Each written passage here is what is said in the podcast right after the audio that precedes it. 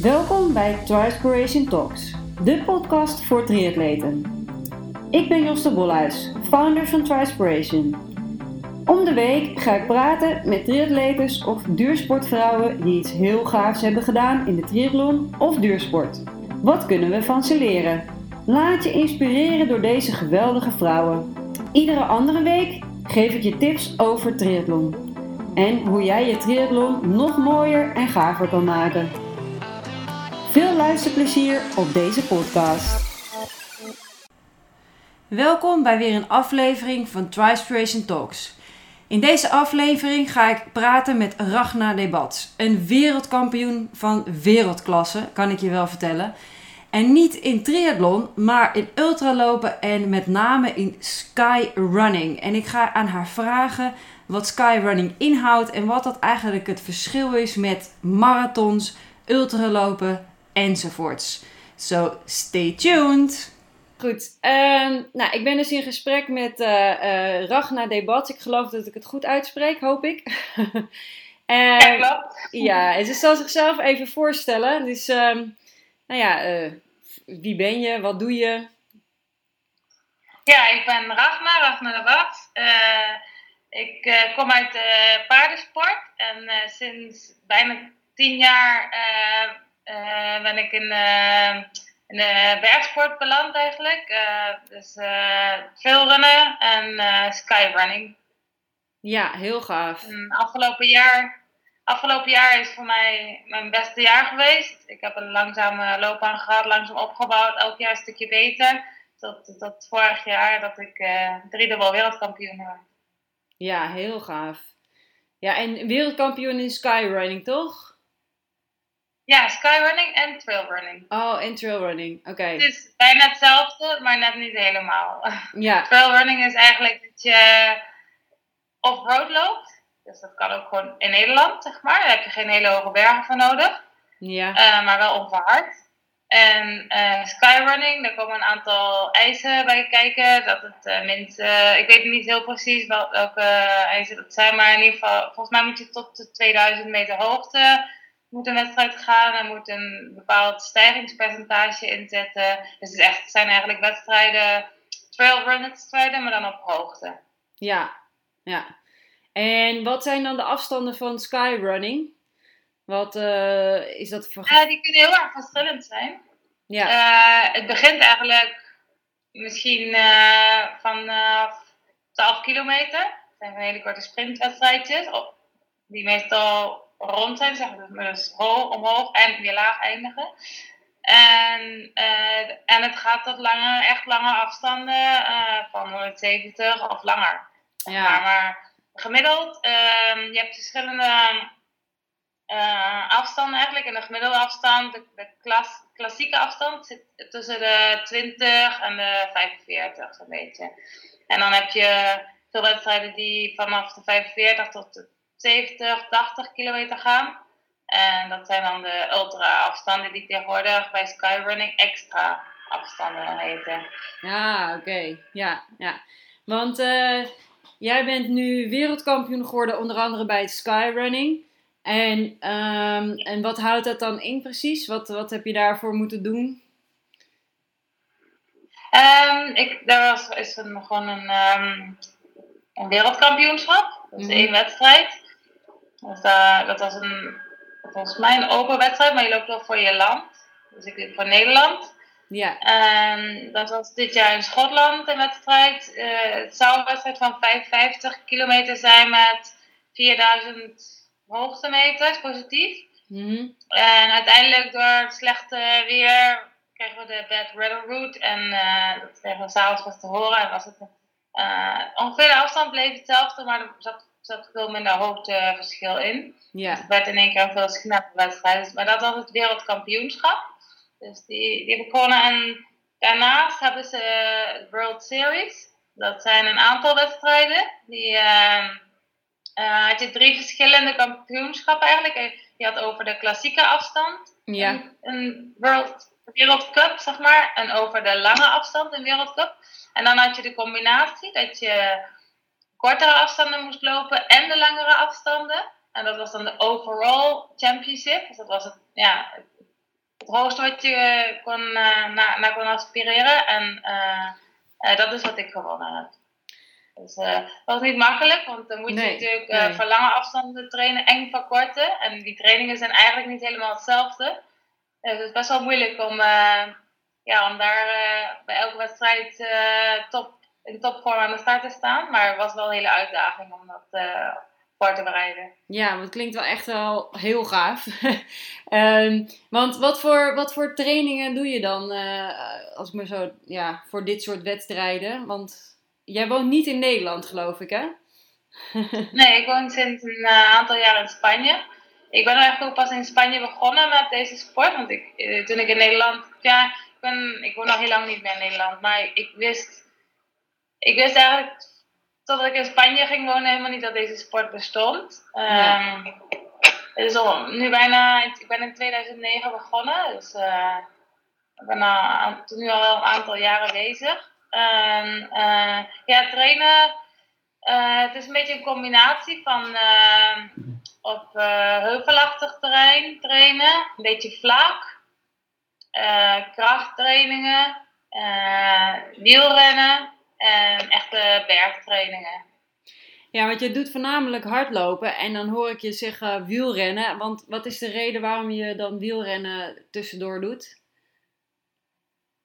Uh, eigenlijk om het alle eh, volume training te doen, zeg maar. Dus alle lang of een lage hartslag. Ja.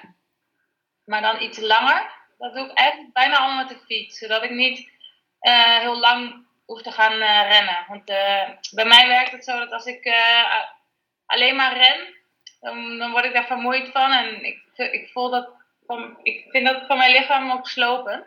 Ja. Dus ja. dat doe ik op de fiets, daar heb ik geen impact. En op de fiets is je hartslag sowieso lager. Dat komt mooi uit. Ja. Dan heb je wel een beetje de krachttraining nog. Omdat je met je, fiets, omdat je met fietsen wel kracht nodig hebt, vooral in de bergen. Uh, maar je hartslag gaat niet zo heel, heel, erg omhoog. Dus dan heb je dan gewoon dat, uh, ja, de basis eigenlijk die je daar uh, toch traint. Ja, ja, ja. Ja, heel mooi is dat inderdaad. Dat kan mooi met elkaar samengaan natuurlijk. Zonder dat je nog wel veel kan... Ja, gaat ook staan. Ja, dat je veel kan trainen, maar toch niet je lichaam te veel belast op je gewrichten, knieën enzovoort. Ja. ja. Inderdaad. En ik heb vaak bijvoorbeeld als ik uh, ga wielrennen. Als ik terugkom, dan ga ik nog een krachttraining gelijk erachteraan doen. doen zodat ik wel um, ja, een beetje mechanische stress op mijn lichaam uitoefen. Ja. En ik heb dan vaak ook nog middags een tweede sessie, die soms heel kort is, hè? misschien 35 minuten of hoogstens 45 minuten, maar dan hardlopen. En dat zijn dan vaak uh, hele snelle, uh, explosieve oefeningen die ik dan daar doe. Ja, ja, want doe je dit ook uh, met behulp van een coach of uh, maak je zelf schema's uh, of trainingen? Of heb je iemand nee, die het is helemaal met een hulp van een coach. Ja. Dus het gaat een beetje in overleg. de laatste tijd ook met mijn fysio. dat komt ook omdat mijn fysio hier in de buurt woont en we eigenlijk dan ook met mijn trainer samen bespreken waar ik welke trainingen goed kan doen. Ja. Dat ze uh, nog specifieker kunnen zijn. Uh, maar het is mijn trainer die, uh, die de trainingen ja, controleert, zeg maar. En die eh, bepaalt wat ik, hoe ik precies train, zeg maar. Hij, hij weet precies hoeveel procent in welke week en hoe ik dan bij de wedstrijden in mijn beste vorm aan de start kan staan. Ja, ja. En wat doe je, doe je veel wedstrijden in een jaar? Of Hoeveel ongeveer denk je? Ja, ik doe best wel veel uiteindelijk vaak. Uh, het zijn hoofddoelen en secundaire doelen vaak. Mm soms ook gewoon spontane wedstrijdjes die ik inbouw. Um, maar de hoofdwedstrijden zijn, kijk, van de wereldbeker doe ik er eigenlijk vier of vijf. Uh, de twee wereldkampioenschappen dit jaar. Dus dat komt al bij zeven uit. En nu ga ik een wedstrijd lopen acht. Uh, het zijn uiteindelijk, het zijn het, ik weet het niet, ik tel ze nooit, maar ik denk dat het er wel uh, eh, 16 tot 20 wedstrijden zijn per jaar. Best, ja. wel, ja. best wel veel, ja. Maar wel met een aantal als hoofddoel en sommige als een soort training. Een soort secundair. Ja, als, als hoofddoel zijn het denk ik hoofddoel 10. Ja. En de andere wedstrijden zijn als trainingen. Soms ook spontaan, bijvoorbeeld vorig jaar had ik bij het uh, uh, WK Skyrunning. Had ik eigenlijk een beetje een slechte, een aantal slechte weken daarvoor, want ik had mijn enkel verstuikt. En het was eigenlijk vooral dat ik voor, mijn, voor mijn vertrouwen, ja. dat ik vijf dagen voor het WK een wedstrijd nog ging lopen, maar in spontaan. En dat was en ja, die had ik gewoon nodig voor mijn eigen vertrouwen. Van, uh, durf ik er echt voor gaan bij het WK? Is, is het uh, wel zinvol als ik erheen ga, zeg maar. Dus, uh, ja, ja. En dat was een wedstrijd, daar vroeg ik echt het uiterste eigenlijk. Want het was een snelle wedstrijd van 20 kilometer, maar het was in het donker. Dus met een hoofdlamp op, door de bergen. En ja, dat was natuurlijk met met de herinnering van die verstuikte enkel. Dat je toch heel gauw voorzichtig gaat lopen. Ja. Dus dat wel, ja, echt een beetje van, als ik dit aandurf en kan, dan kan ik ook gewoon bij het WK mezelf weer helemaal loslaten en, en, en echt gaan. En, uh, dat was dus ook, uh, dat was de bedoeling van die wedstrijd, dus die ik toen s'nachts liep en uh, dat ging goed. En vandaar dat ik ook bij het WK weer vol vertrouwen naar de start kon staan. Dus Met... zijn soms dingen die gewoon ja, spontaan even erbij komen en heel erg hulp, uh, ja, hulpzaam kunnen zijn. Ja, maar ja. Maar het kan, ook andersom, het kan ook andersom gebeuren dat ik een muziekwedstrijd inplan die ik zeg van, nou, ik ga hier niet heen, want het heeft geen zin, ik heb het niet nodig. En ja, ja, ik had hem wel bedacht, maar uh, nee, het is niet nodig. Nee, nee. Ja. Ja, het is nogal wat. En uh, want uh, wat, wat, vind, wat vind jij, uh, zeg maar, mentaal gewoon de grootste uitdaging als je dit soort wedstrijden gaat doen? Dus uh, fysiek is het sowieso een uitdaging. Mentaal? Ja. Ja, ik probeer dat mentale gedeelte helemaal van tevoren voor te bereiden. Ja. Zodat ik gewoon mentaal helemaal sterk aan de start sta en tijdens de wedstrijd. Um, ja, je geeft natuurlijk alles. Sommige mensen die zeggen dat je dan echt moet lijden terwijl je aan het rennen bent. En ik probeer altijd in de, in de voorbereiding uh, mentaal zo sterk te zijn dat ik dat niet uh, waarneem als lijden, zeg maar, maar echt als ja, eigenlijk genieten. Dus het uit te geven, maar ik, ik beschouw of ik voel dat niet als een pijn, zeg maar. Ik, ik, het is voor mij een, ja, plezierig, zeg maar. En dat is voor mij heel belangrijk. En dat is, als ik het zo voor elkaar kan krijgen, dan, uh, dan komen altijd de goede resultaten bij mij. Ja, ja, dus het genieten staat dan Andersom, uh, als ik ergens niet echt niet geniet, als ik net aan die grens voorbij ga, dat ik echt zeg maar, lichamelijke pijn begin te voelen, dan, uh, dan vind ik het heel moeilijk tijdens een wedstrijd om dat weer positief te kunnen krijgen en, en, en te kunnen winnen, zeg maar. Dus het is ja. echt voor mij de voorbereiding die goed moet zijn, zodat ik sterk aan de start kan staan. Ja, want wat, wat doe je dan in de voorbereiding om mentaal zo te staan dat je echt kan genieten van die wedstrijd die je dan gaat doen? Of heb je daar tips voor? ja, ik heb, ik heb een sportpsycholoog. Die Ja. helpt me daarbij. Mm, soms is daar ja, een beetje een voorbereiding van bij een wedstrijd. eh, wat kan ik bij deze wedstrijd verwachten? Wat, wat kan er misgaan? Als dat misgaat, ehm, hoe kan ik mezelf uit die neg- negatieve gedachten halen en die omzetten in een positieve gedachte? Eh, dat zijn al dingetjes die, eh, als je daar van tevoren over nadenkt Ja, en al eh, een oplossing voor bedenkt, dan is dat veel makkelijker om tijdens een wedstrijd je goed te krijgen. En ja, er zijn natuurlijk heel veel stra- strategieën. Je kan bijvoorbeeld, misschien helpt het als iemand jou voorbij komt rennen, bijvoorbeeld eh, dat je even wat gaat eten, zodat je even weer krachtig voelt en, weer er tegenaan kan gaan. Eh, ja, of anderen gewoon een mentaal dipje, als je een mentale dip krijgt, misschien bij sommige mensen helpt het om een een foto of een beeld of iets voor de geest te halen. Het kan van alles zijn en het is heel erg, heel erg persoonlijk, denk ik. Ja. En Ja. in elke situatie misschien verschillend, maar het is, ik denk altijd goed om er van tevoren al je gedachten overheen te laten gaan. En, eh, en bepaalde doelen te stellen, maar ook bepaalde problemen je voor te stellen en daar een oplossing voor te bedenken. Ja, ja, klinkt mooi. Ja. ja, want in de vele triatleten hebben ook vaak van die mantra's. Eh, die we wel eens in ons hoofd stoppen. ehm, om te zorgen dat we nou ja, eh, door kunnen gaan, door blijven gaan. Want onze wedstrijden kunnen zo 10, 12 uur lang duren. Eh, zeker als je een hele triathlon duurt, doet.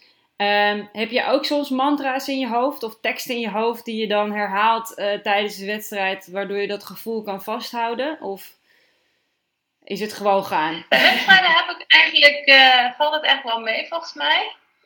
Eh, ik heb soms wel eens wedstrijden dat ik, ja, dat ik zo'n liedje in mijn hoofd krijg en die dan iedere keer weer blijf herhalen. Dat is een beetje hetzelfde idee, maar dat, dat is, Ja. is dan spontaan. En vooral om het ritme vast te houden, Ja, ja. denk ik. Ehm, ik ook mezelf wel aan, maar het zijn ook hele lange eigenlijk stukken waarvan ik achteraf denk van, ja, wat dacht ik daar? Dat weet ik eigenlijk helemaal niet als iemand mij dat vraagt. Ik bedoel, ik ben gewoon heel erg geconcentreerd bezig om snel vooruit te komen, denk ik, in het terrein. En, ik, eh, ik denk dat ik heel veel van buiten in me opneem. Dus ik, ik hou heel erg van, van, eh, ja, van de indrukken die ik van buiten krijg. De bergen, hoe de zon staat. Eh, dat zijn vooral dingen waar ik, als iemand mij vraagt van, ja, wat heb je nou gezien? Dat, dat, dat kan ik dan wel gewoon navertellen. Dus daar Ja, ben ik tijdens een wedstrijd gewoon wel mee bezig. En voor de rest natuurlijk gewoon zo snel mogelijk proberen te lopen en interactueren met andere mensen. En mantra's valt ergens wel mee. Ik heb ook wel langere wedstrijden gelopen. Maar, en ik merk wel dat bij trainingen dat ik dat wel soms eh, bewust zoek, een soort mantra. ja, ja. Eh, bij, als, je, als ik langere intervaltrainingen heb, eh, weet ik wel, zes minuten, acht minuten, en dat je echt even flink er tegenaan moet, dan heb ik dat soms wel, dat ik, dat, dat ik daar gebruik van maak. Maar bij wedstrijden valt dat eigenlijk wel mee. Ja, ja.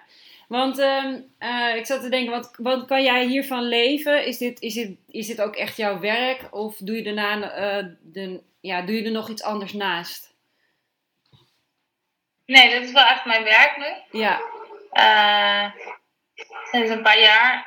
Het is niet zo makkelijk, want het is natuurlijk een, het is geen Olympische sport. Het is een jonge sport. ja, die nog echt moet groeien. Eh, maar ik, eh, het is wel zo dat als je echt aan de top staat, dat je er dan wel van kan leven. ja. Er zijn niet, niet veel mensen die dat kunnen, maar Nee, Eh, nee. Er zijn ook ja, vrij weinig Ne- Nederlandse vrouwen die hier natuurlijk staan. Want jij bent de enige. Maar je staat wel heel goed aan de top inmiddels. Dat is wel echt wel heel mooi om te zien. Want jij bent voornamelijk omringd door, eh, denk ik, veel Spanjaarden, neem ik aan. Want het, dit zijn de, het is echt een Spaanse sport, geloof ik, hè? Dat skyrunning. Eh, nou, het is geen Spaanse sporter. Dus eh, ik weet niet in welk land het ooit begonnen is. Maar het is een, denk ik wel in Europa heel erg een grote sport. In Nederland natuurlijk iets minder, omdat het omdat Nederland vrij vlak is. Dus Ja. in Nederland is het echt nog heel jong aan het beginnen. En de mensen die daar geïnteresseerd in zijn, die eh, gaan steeds vaker in het buitenland wonen. Of eh, ze hebben de mogelijkheid om te reizen. En reizen vaak naar het buitenland om wedstrijden te lopen. Ja, Het WK trailrunning en skyrunning, dat is ook meestal in het buitenland, zeg maar. Gewoon omdat het in Nederland natuurlijk niet mogelijk is om een WK skyrunning te doen. nee. Eh, maar eh, het is een sport, ik weet niet of die ooit in eh, Italië ontstaan is. Of in Zwitserland. Er zijn hele oude wedstrijden, maar ook in Griekenland. Er zijn eigenlijk overal wedstrijden in Japan, China. Eigenlijk is het een sport die over de hele wereld al verspreid is. Ja, zolang er maar een berg is. Nieuw-Zeeland. In alle, Op alle continenten is er wel iets. Ja, ja, ja. Ja, want eh, volgens mij heb je ook een gezin. Dus ehm, hoe combineer je dit met, eh, met je gezinsleven? Eh, ja, we hebben, ik heb, eh, we hebben een dochtertje. Mijn man die, die loopt ook, ook op topniveau. Ja, Is vorig jaar in de, op de ultra-afstand wereldkampioen ook geworden. Bij de wereldbeker. Ehm, dus we zijn allebei heel intensief mee bezig. Hij kan er ook van leven. Um, we hebben een dochtertje dat inmiddels vier jaar is. En toen zij geboren toen hebben we gewoon heel duidelijk gezegd van... Uh, ja, we willen dit leven met haar delen, zeg maar. Als het niet mogelijk is, dan zouden we, ja, zouden we het op een andere manier aanpakken. Maar we willen gewoon eigenlijk proberen gewoon ermee door te gaan.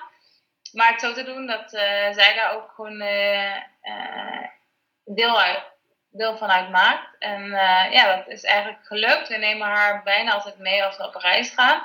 Soms als een van ons reist, dan blijft ze bij de ander die thuis blijft. Omdat we merken dat ja, ze heeft ook stabiliteit nodig. En ze kan niet alleen maar reizen. Dat is voor haar ook ja, vermoeiend. En ze vindt het ook gewoon leuk om haar opa en oma te zien en dat soort dingen. En uh, kindjes en vriendjes natuurlijk. Um, maar als we samen reizen, dan uh, nemen we eigenlijk altijd mee. Omdat uh, ja, ze hoort er gewoon bij. Dus ja, ja. ja, voor ons is dat ook een soort kracht. We reizen gewoon graag met, met familie. veel mensen, veel organisatoren van wedstrijden, die weten dat. Dus die als we bijvoorbeeld uitgenodigd worden voor een wedstrijd, dan wordt voor haar ook gewoon de vlucht uh, mee betaald. En dat is, ja, wordt voor haar uh, gezorgd dat ze uh, een oppas krijgt terwijl wij lopen. Dus het, wordt allemaal echt, het gaat allemaal heel vlot. En vaak gewoon al spontaan vanuit de organisatie dat ze dat aanbieden. Oh, wat leuk zeg. Ja, dat is echt ja. goede service. ja. En, ja, inderdaad. Ja. Want trainen jullie ook samen dan met haar? Dat ze bijvoorbeeld meegaat? Of ja, ik, ik um, bedoel, hier in Nederland uh, kan je. Ik heb zelf ook twee kleine kinderen. Dan doe ik de kinderen in de kinderwagen en dan ga ik met ze hardlopen.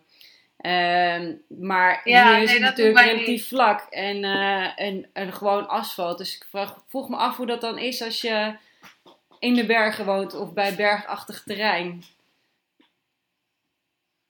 Ja, nee, uh, dat doen we eigenlijk nooit. Uh, als wij bijvoorbeeld een weekend in de berg gaan, we hebben van California busje, uh, slapen in het busje.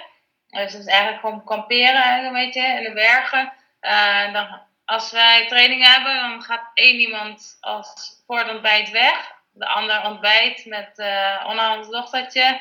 Dan komt de ander terug. gaat lekker spelen met de dochtertje terwijl de ander weer gaat trainen. Als we dan middags een tweede sessie hebben, dan doen we dat ook om en om. En lunchen doen we samen. En, en uh, het begin van de middag brengen we dan ook samen door, zodat we ook samen dingen doen. Ja, ja. Maar we gaan eigenlijk nooit met haar trainen. Want uh, weet niet, mijn ervaring is ook dat voor haar dat niet echt heel leuk is. Nee. Zij, zij, houdt eigenlijk van spelen. Ze houdt er niet van om nee, in een zak te zitten. Of, uh, en van de andere kant is het ook zo dat wij toch hele ja, specifieke trainingen hebben. En uh, we moeten gewoon onze trainingen doen, zeg maar. We gaan zo, uh, zodoende hoeven we ook niet onze trainingen aan te passen op een zak met een nee, of een kinderwagen. Ja. Of, uh, dus dat doen we eigenlijk, eigenlijk helemaal. Dat hebben we eigenlijk nooit, ook nooit gedaan. Nee. Maar dit is ook wel een goede oplossing zo. Want je kan allebei trainen. Um, en ze heeft ja. of de aandacht van mama of de aandacht van papa. Of allebei. Dus ja, ja, ja. ja inderdaad. We proberen altijd uh, dat ze sowieso ook de aandacht van allebei heeft. Want uh, we merken gewoon dat kindjes, in ieder geval bij haar, dat het, dat het allerleukste voor haar is. Dat papa en mama erbij zijn. En, maar uh, ja, dat kan natuurlijk niet de hele dag door. En dat zal alle kinderen altijd zijn. Ja, ja. Dus, ja. dus ja, dat wordt ook afgewisseld gewoon. Ja. En um, uh, dan heel wat anders. Wat is eigenlijk jouw favoriete training om te doen? Of het, het allerleukste wat je vindt om te doen om te trainen? Dat je denkt van nou, als ik die training op het programma heb staan, daar, daar word ik altijd blij van. Oké, uh, ik hou heel erg van intervaltrainingen. Dus uh, bijvoorbeeld progressieve training waarbij je een, een, een blok eindigt met maximaal, zeg maar. Dus je begint langzaam steeds sneller. Het kan zijn bijvoorbeeld in drie minuten en je eindigt maximaal in een sprint. Uh, dat vind ik leuke training. Ik vind trainingen sowieso als uh, hoe intensiever, ja. explosiever, hoe leuker ik het vind. Daar word ik ja, gewoon helemaal wakker van, helemaal vrolijk. Ik voel me dan ook voldaan, voldaan als ik, als ik uh, ermee klaar ben. Ja, daar hou ik gewoon echt van. Ik hou van het gevoel dat je gewoon daarna dat je gewoon snel kan rennen. En echt dat vrije gevoel dat je daarvan krijgt. Dat je, ja, dat je de wereld aan kan. Dat je, ja. dat je gewoon goed in je vel zit. En, en dat zijn echt, ja, dit soort trainingen. Ik, vind, ik doe ook eigenlijk bijna nooit trainingen zonder iets. Zeg maar. Ik ga nooit op een drafje in de bergen lopen te lopen. Want dat vind ik, weet je, dan mist er voor mij iets aan. Ik heb er eigenlijk altijd wel, uh, ook als het een iets langere training is in de bergen bijvoorbeeld, zitten er altijd wel wat intervalletjes tussen, zeg maar. En uh, ja, dan, zodat ik mijn hartslag even flink omhoog kan laten gaan. En, uh, en dan word ik gewoon echt helemaal, ja, helemaal wakker van. En dat kan ook gewoon in een krachttraining zijn. Maar als ik een krachttraining doe en, ik, en je voelt echt die spier al zo'n beetje gaan branden en zo, maar daarna ook die, die voldoening daarvan. Van, uh, ja, ik heb gewerkt en de dag daarna ook dat je merkt van wauw, de kracht is weer helemaal terug en ik voel me nog krachtiger. Dat zijn eh, dingen die ik echt mooi vind. Ja, ja, ja ik kan me voorstellen. Ja, ja want, want uh, ja, hoeveel uur in een week train jij bijvoorbeeld gemiddeld ongeveer? Hoeveel uur training zit er in een week? Dat is een vraag die mij altijd gevraagd wordt. Ja. wordt ook, ja uren of afstanden. En uh, ik weet het niet. Ik, uh, ik kijk daar nooit naar. Er zijn heel veel mensen die, uh, ja, die denken dat dat belangrijk is. Ja. Hoeveel uur je traint, of, of hoeveel kilometers je maakt, of hoeveel hoogtemeters je maakt. Um, ik denk dat training daar niet van afhangt, want het is heel vaak de intensiteit. Uh, ik kan bijvoorbeeld een hele zware training lopen in 7 kilometer. Als ik heel bergop uh, korte intervalletjes ga doen. Ja. Uh, en ik kan misschien 30 kilometer op een langzaam ritme gaan lopen. Met dat hoogtemeters erin. Maar dan heb ik eigenlijk niet zo'n hele speciale training gedaan voor mijn gevoel. Dus, het, dus ja, voor mij is, zijn een aantal uren niet belangrijk. ik kan wel kijken hoeveel uren zou ik trainen. Dus elke dag.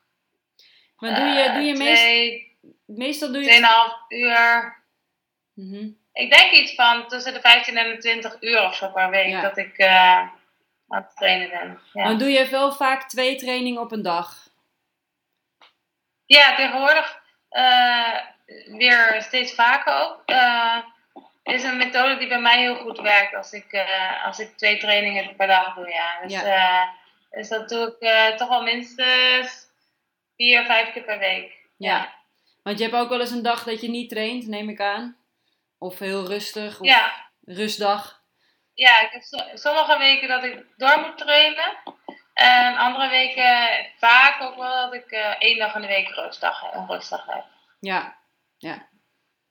Ja, En als je veel trainingen doet, dubbele trainingen, dan als je dan een keer één dag maar één training hebt, dan voelt dat eigenlijk ook wel een beetje als een rustdag. ja, ja snap ik, ja.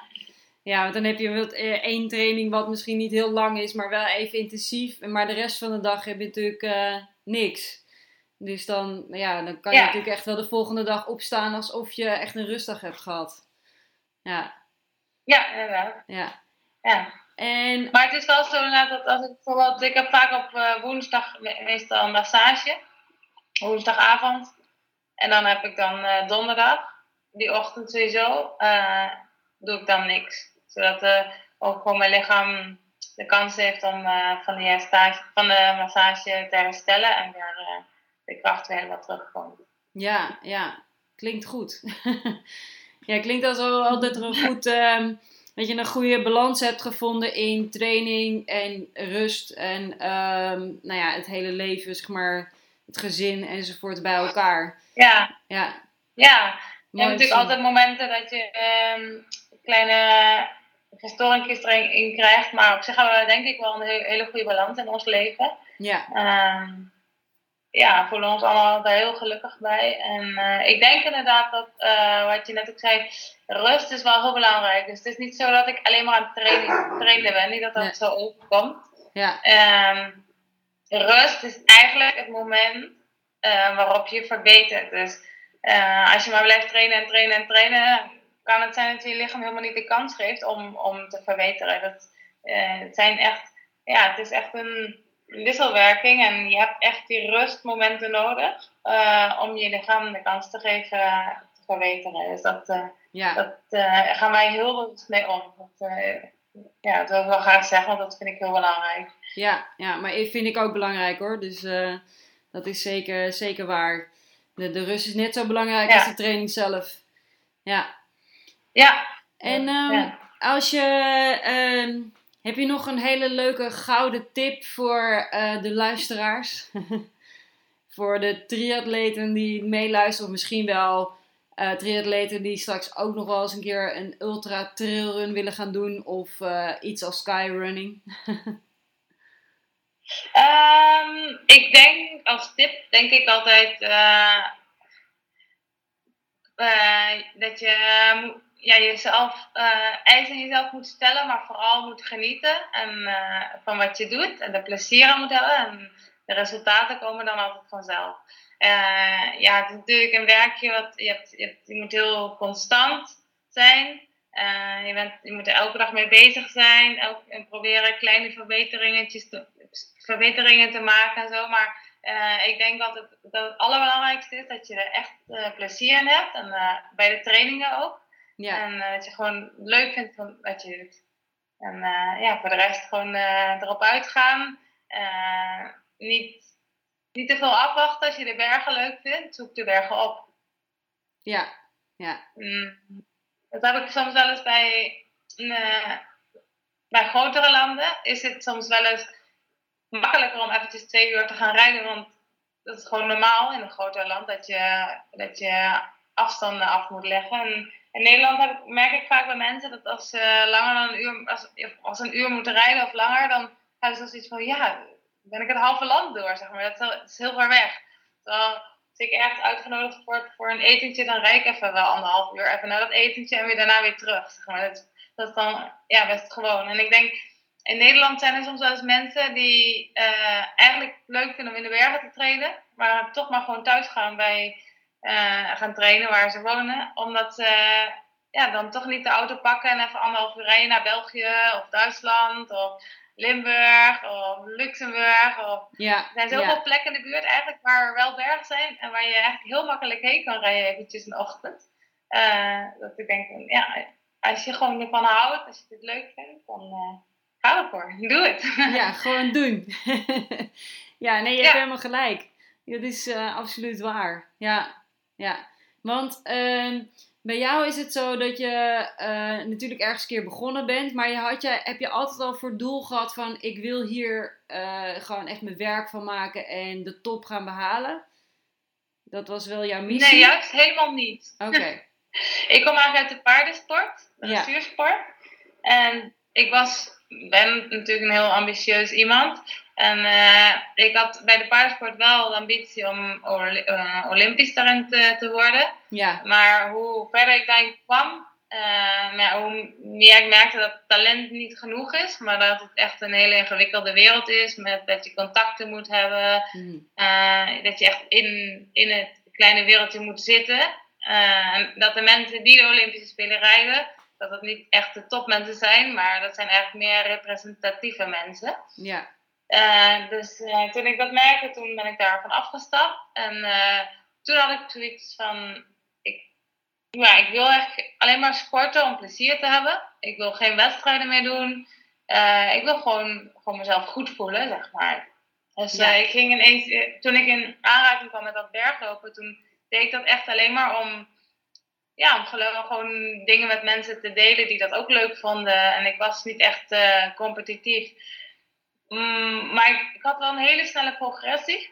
En ja, daardoor kwam, kwam een trainer naar mij toe die ik uh, in eerste instantie zei van nee, ik heb je niet nodig, want ik doe het alleen maar voor de lol.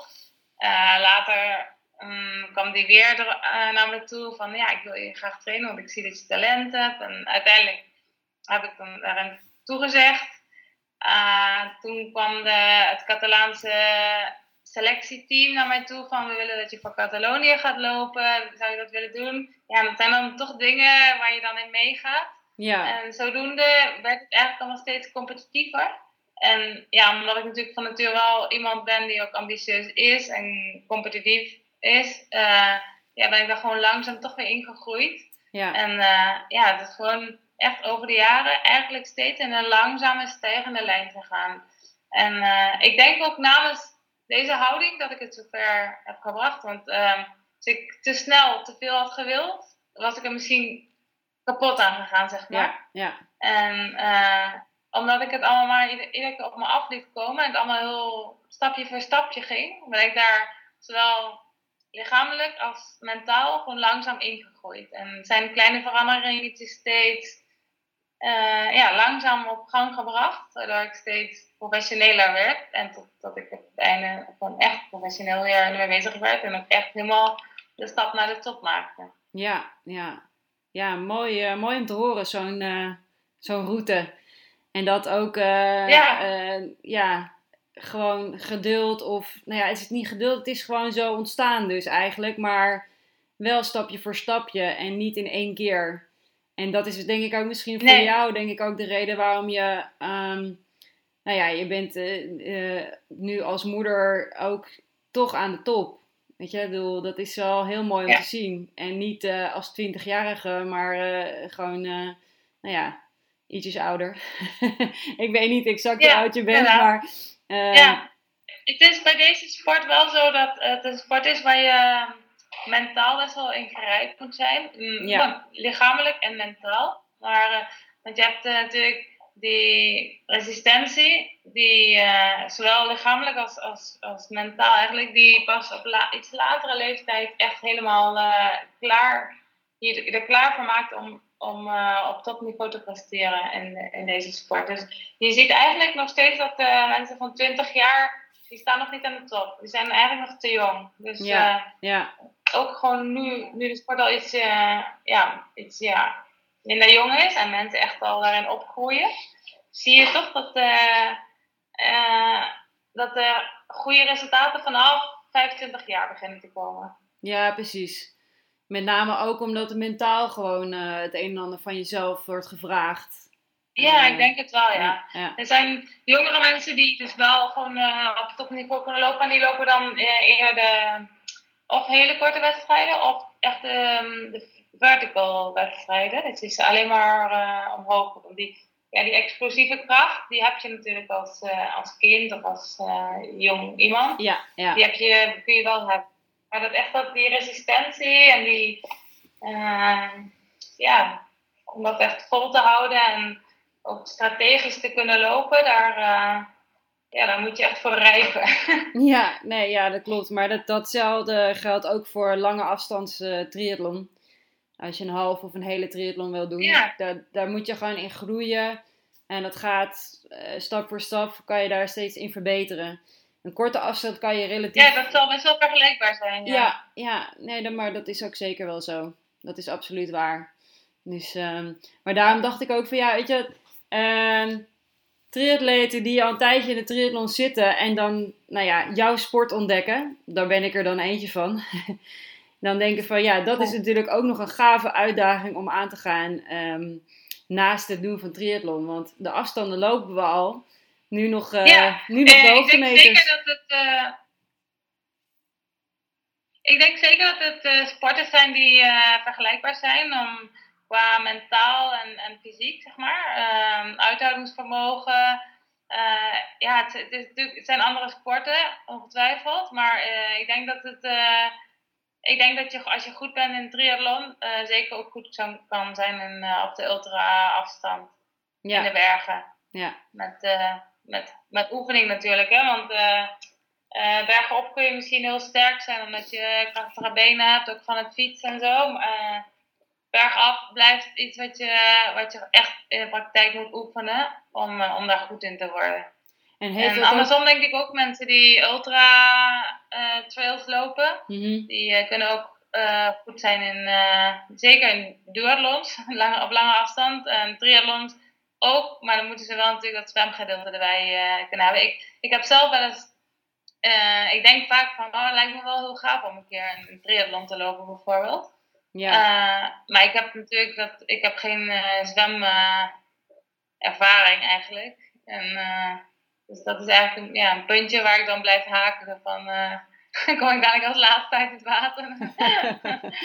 ja, Ja. Dus, maar ja, ik denk zeker dat het best wel vergelijkbare sporten zijn. Ja, ja, nee, ik denk het ook wel. In, in ieder geval wat jij zegt qua mentaal aspect. En, um, maar ik denk voornamelijk voor de Nederlanders, het berglopen, dat is natuurlijk nog wel een dingetje. Uh, voornamelijk het bergaf.